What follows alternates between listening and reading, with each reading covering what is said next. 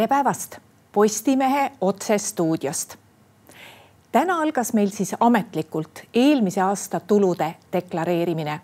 meil on stuudios Maksu- ja Tolliameti füüsilise isiku teenuse juht Annika Oja, tere päevast. tere päevast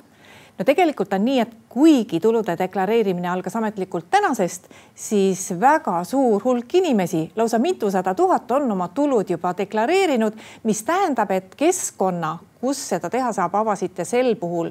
päris tublisti varem mm. -hmm ja täiesti õige, et äh, tänaseks on deklaratsioone meile laekunud juba umbes kolmsada nelikümmend tuhat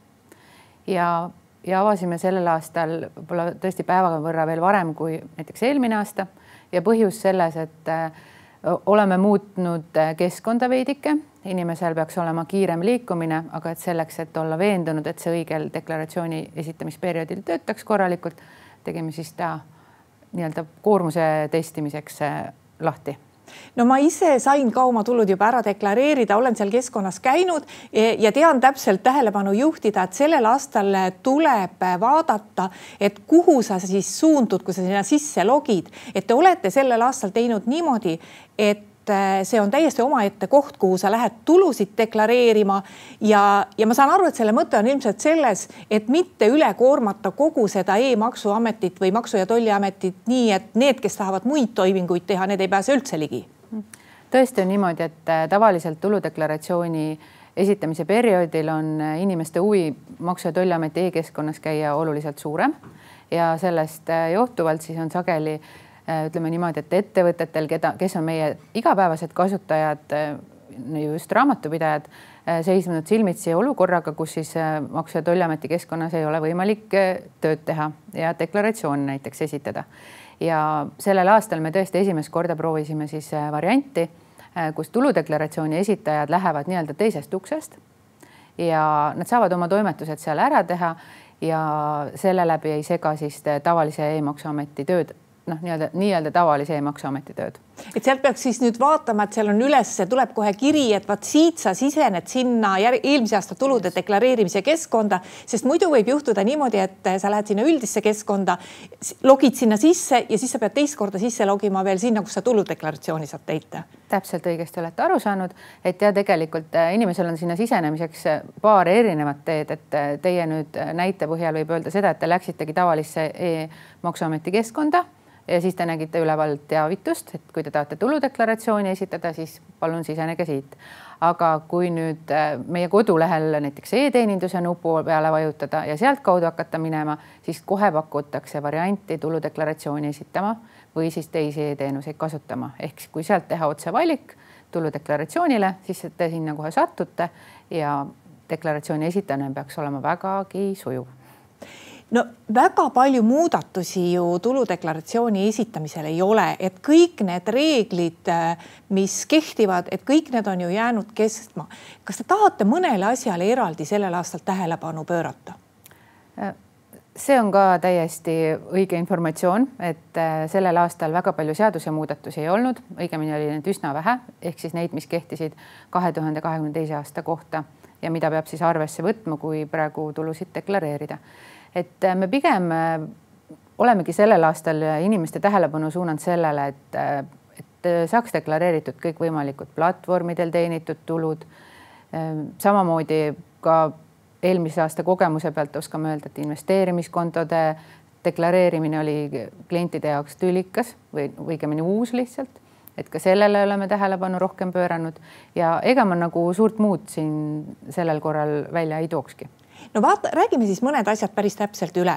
et noh, üldiselt on niimoodi, et äh, inimesel on seal olemas see eeltäidetud deklaratsioon ja see on siis eeldusel, et äh, kõik need institutsioonid või ametid, kust ta tulu on saanud, on selle oma andmed Maksu- ja Tolliametile esitanud aga samas see vastutus, kui inimene ütleb, et äh, ma deklaratsiooni täitsin, see vastutus langeb ju ikkagi talle. et kui keegi on nendega eksinud, siis tegelikult inimene on see, kes peab selle kõik üle kontrollima. kui ta ei usalda oma tööandjat, siis tuleks küsida täpselt, palju tööandja on tema teenitud tulult makse tasunud. ja kui nüüd tegemist on ka igasuguste muude tuludega, eh, mis inimene on aasta jooksul saanud, siis see kontroll tuleks üle teha, et sa ei saa uskuda automaatselt, et kõik, mis eeltäidetud deklaratsioonil on, et kõik ongi nii. Äh, väga täpselt ära kirjeldatud, et ja et äh, me oleme tõesti, inimestel on tänapäeval võimalik väga palju oma tuludeklaratsioonil näha eeltäidetud andmeid, kuid tõesti nende õigsuse nii-öelda va kontrolli vastutus lasub ikkagi inimesel endal, et see on ju äh, tema nagu tulu, temal tuleb selle pealt maksu maksta ja siis ongi väga mõistlik need asjad üle vaadata et äh, täpselt nii, nagu te kirjeldasite. no alati on hästi palju probleeme tekitanud annetused, et mõned inimesed isegi ei tea, et annetused on tulumaksuvabad ja neil ei tule võib-olla meeldegi, et nad on teinud mõned annetused ja tõenäoliselt ka kõik need MTÜ-d äh, kellele annetused tehakse, ei pruugi olla just oma andmeid teile esitanud kuigi enamusel, ma arvan, on juba ka need annetuse andmed või kuidas teile tundub, et, et kas nad pigem on seal deklaratsioonil või pigem neid ei ole? Äh, no tõesti on niimoodi, et äh, pigem nad ikkagi on deklaratsioonil olemas, sest et noh, annetuste äh, deklareerimist on juba nii palju aastaid tehtud ja ka need organisatsioonid, kes kuuluvad tulumaksusoodustusega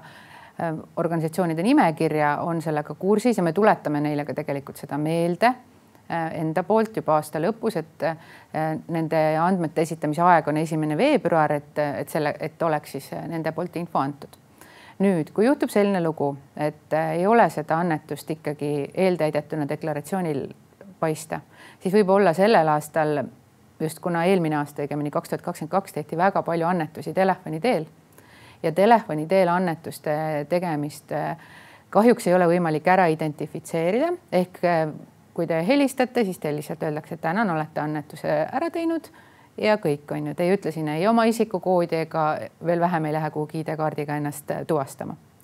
ja kui nüüd seda annetuste rida noh, ei ole seal deklaratsioonil olemas, äh, siis tuleks meenutada, millal see tehtud sai. Ja kõige paremini äh, saab selle kohta siis info kätte oma telefonioperaatori arvelt ja siis seda kõneeristuse alt. Ja sealt on siis näha summa ja number, kellele te olete annetuse teinud ja sealtkaudu siis juba omakorda leida see organisatsiooni nimi maksu- ja Tolliamet on enda poolelt äh, just ka nüüd lähtudes sellest Ukraina sõjateemast äh, pannud enda kodulehele üles suuremad annetuste organisatsioonid, kes siis annetusi korjasid ja nende rekvisiidid. Ehk sealt saab ka siis abi, et ma ei tea, näiteks selle MTÜ nimi korrektne, registrikood, et need asjad saab siis meie kodulehelt kätte, et oma annetused ära täita no viimase aja trend on meil ka mitte küll sellel aastal esmakordne, aga ütleme, viimaste aastate trend, mis ka järjest suureneb, on need platvormitöötajad ja sealt platvormidelt äh, teenitud tulu. kuidas nendega on mm? -hmm. no nendega ma pean alustama siis nagu algusest, et äh, noh, ennekõike tahaks öelda seda, et ma arvan, et meile kõigile hakkab seostuma platvorm siin kõikvõimalike kulleritega ja taksojuhtidega.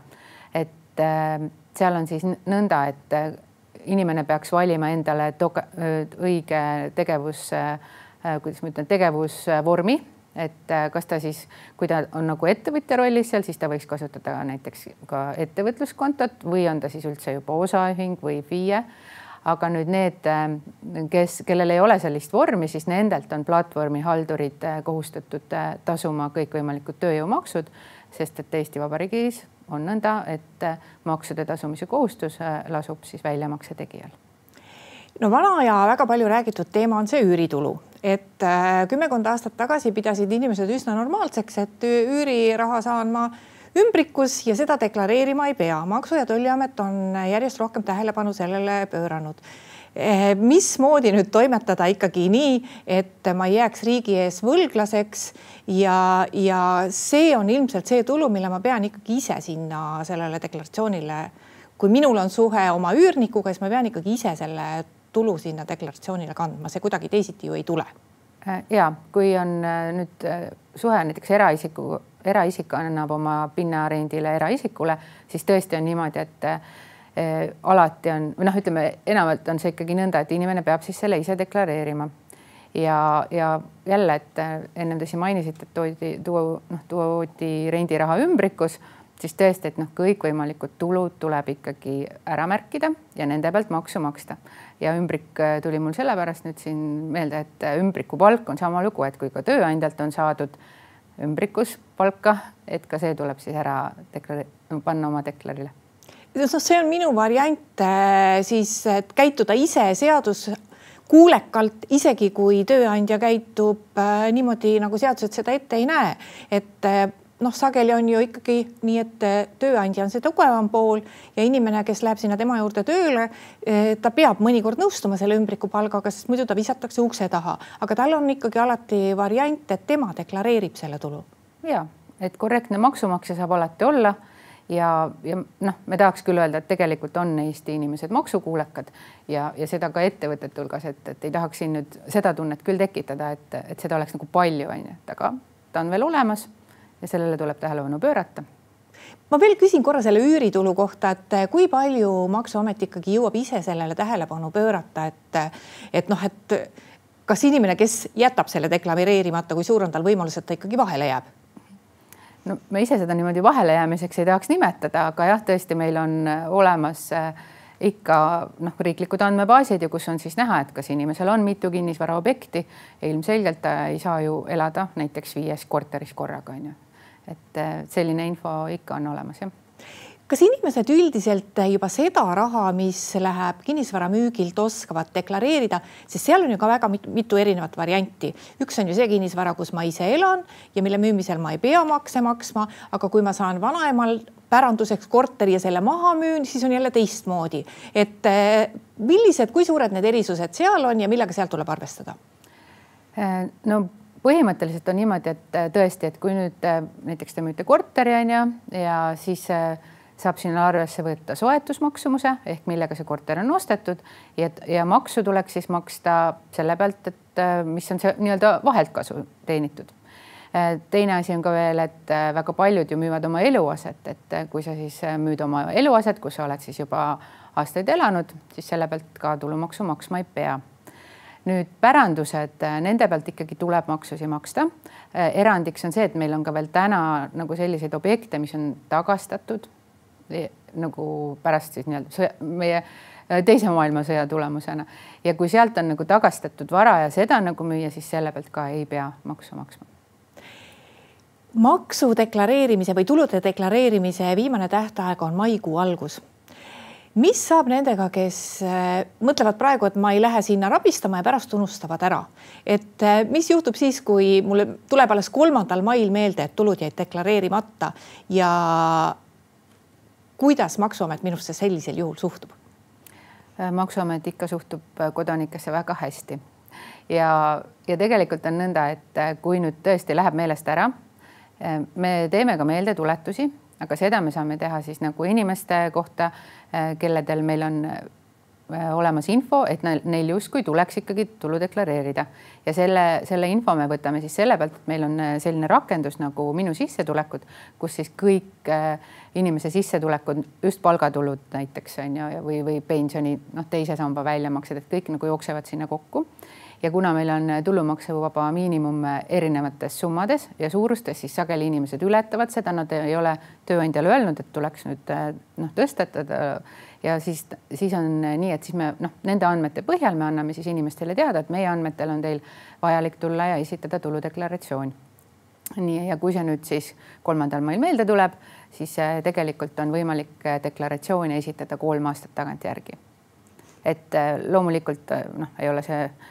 see, mida me soovitame, aga et et alati saab ka veidi hiljem seda teha. nojah, ja ei saa, maksa ju unustada, et alati ei ole ju see, kui ma jätan deklaratsiooni esitamata eh,, mitte Maksuameti kahjuks, see võib sageli olla ka deklareerija kahjuks, sest ikkagi väga paljudel juhtudel inimesel on õigus tulumaksu tagasi saada, seda, seda, mida ta on rohkem maksnud ja siis oleks ju kole kahju, kui deklaratsioon jääb esitamata just ja niimoodi ongi, et äh, tõesti, et, et see ei ole ainult äh, riigile maksude kogumiseks, vaid see on ka inimesele endale, et ta saaks ära kasutada kõik maksusoodustused, mida on võimalik kasutada, kasvõi needsamad annetused, mida me siin ennem äh, puudutasime.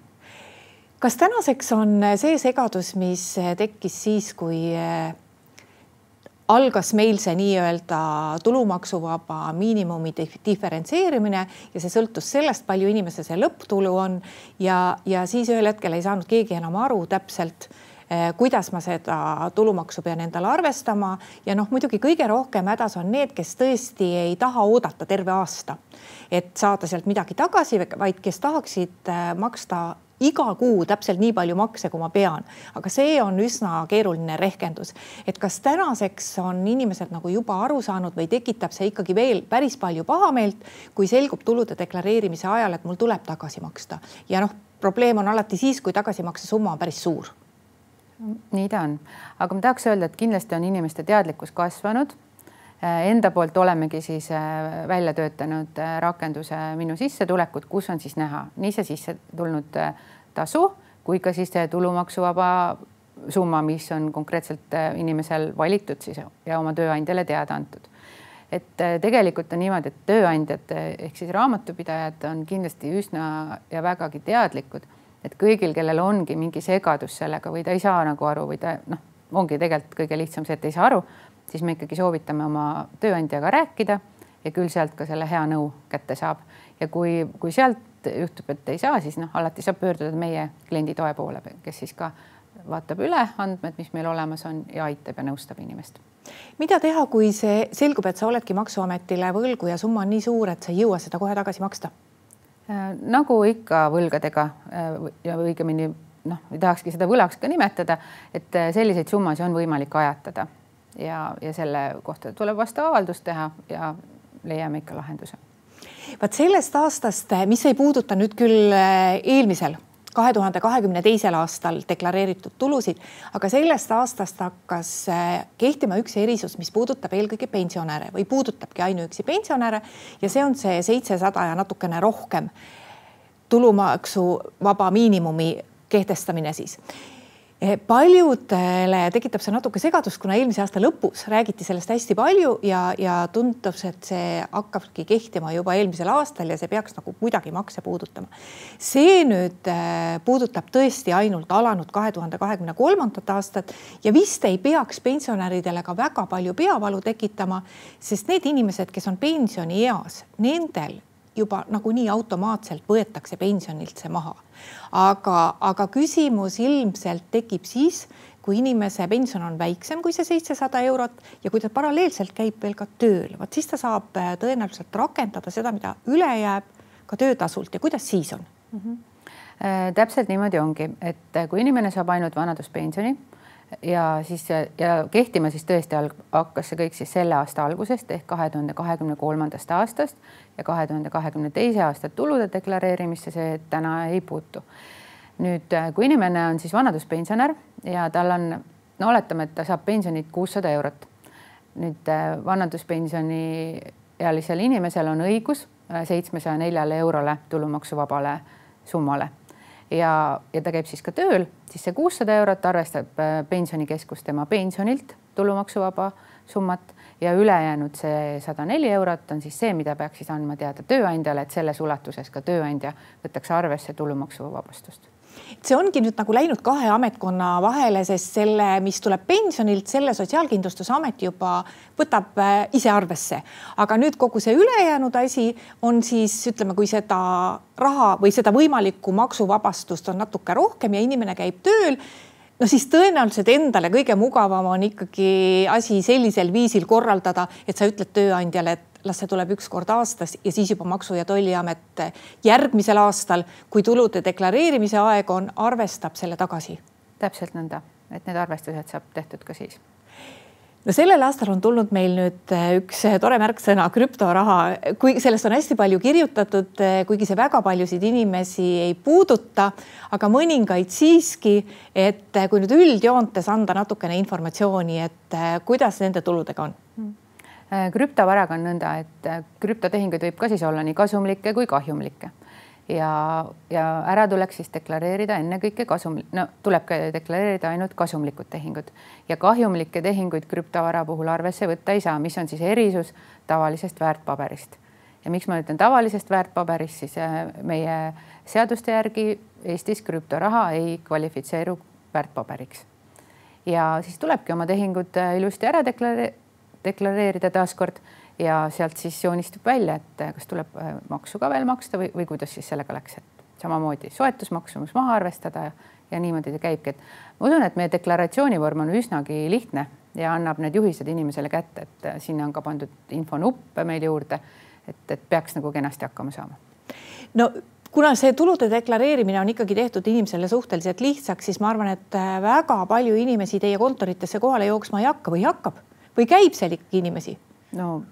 täna tegelikult täitsa on Tallinna kontoris, aga noh, see on ennekõike tingitud siis sellest, et äh, on palju mitteresidente äh, ehk siis mitte eestlased on ju, näiteks jälle ukrainlased on ju, kelledel ei ole siis olemas residentsust ja nad, neil ei ole ja nad ei saa elektroonselt esitada deklaratsiooni, kuigi me kutsume ka väga palju neid üles, et, et noh, kui isikukood on antud, et just sõjapõgenikud ju said tegelikult kohe nii-öelda piiril selle isikukoodi kätte, siis ta saabki endale vormistada residentsuse ja ka e-kanalite kaudu seda deklarit esitada ja nüüd see kõige huvitavam küsimus, et kui deklaratsioon on täidetud ja sealt siis ilmub nähtavale see summa, mille Maksuamet tagasi maksab, siis millal selle kätte saab? sellega on niimoodi, et kõik, kes esitavad deklaratsiooni elektroonselt, siis nendele me alustame tulumaksu tagastusi kahekümne kaheksandast veebruarist sellel aastal. Ja nüüd need, kes on paberkandjal deklaratsioonid meile esitanud, nendele siis seitsmeteistkümnendast märtsist. Ja tulumaksu tagastamise aeg ei sõltu sellest, et millal te, millal te selle esitanud olete, et kui te näiteks täna hommikul teete, siis ei tähenda, et, et te saate selle tulumaksu juba kakskümmend kaheksa tagasi või võib juhtuda niimoodi, et kui teha seda näiteks homme siis te jälle saate tagasi, et seal ei ole sellist järjekorda. aitäh, Annika Oja, tulemast Postimehe otsestuudiosse. ja aitäh ka kõigile neile, kes meid vaatasid. nii palju veel, et meie järgmine otsesaade on eetris juba homme. seniks lugege uudiseid postimees.ee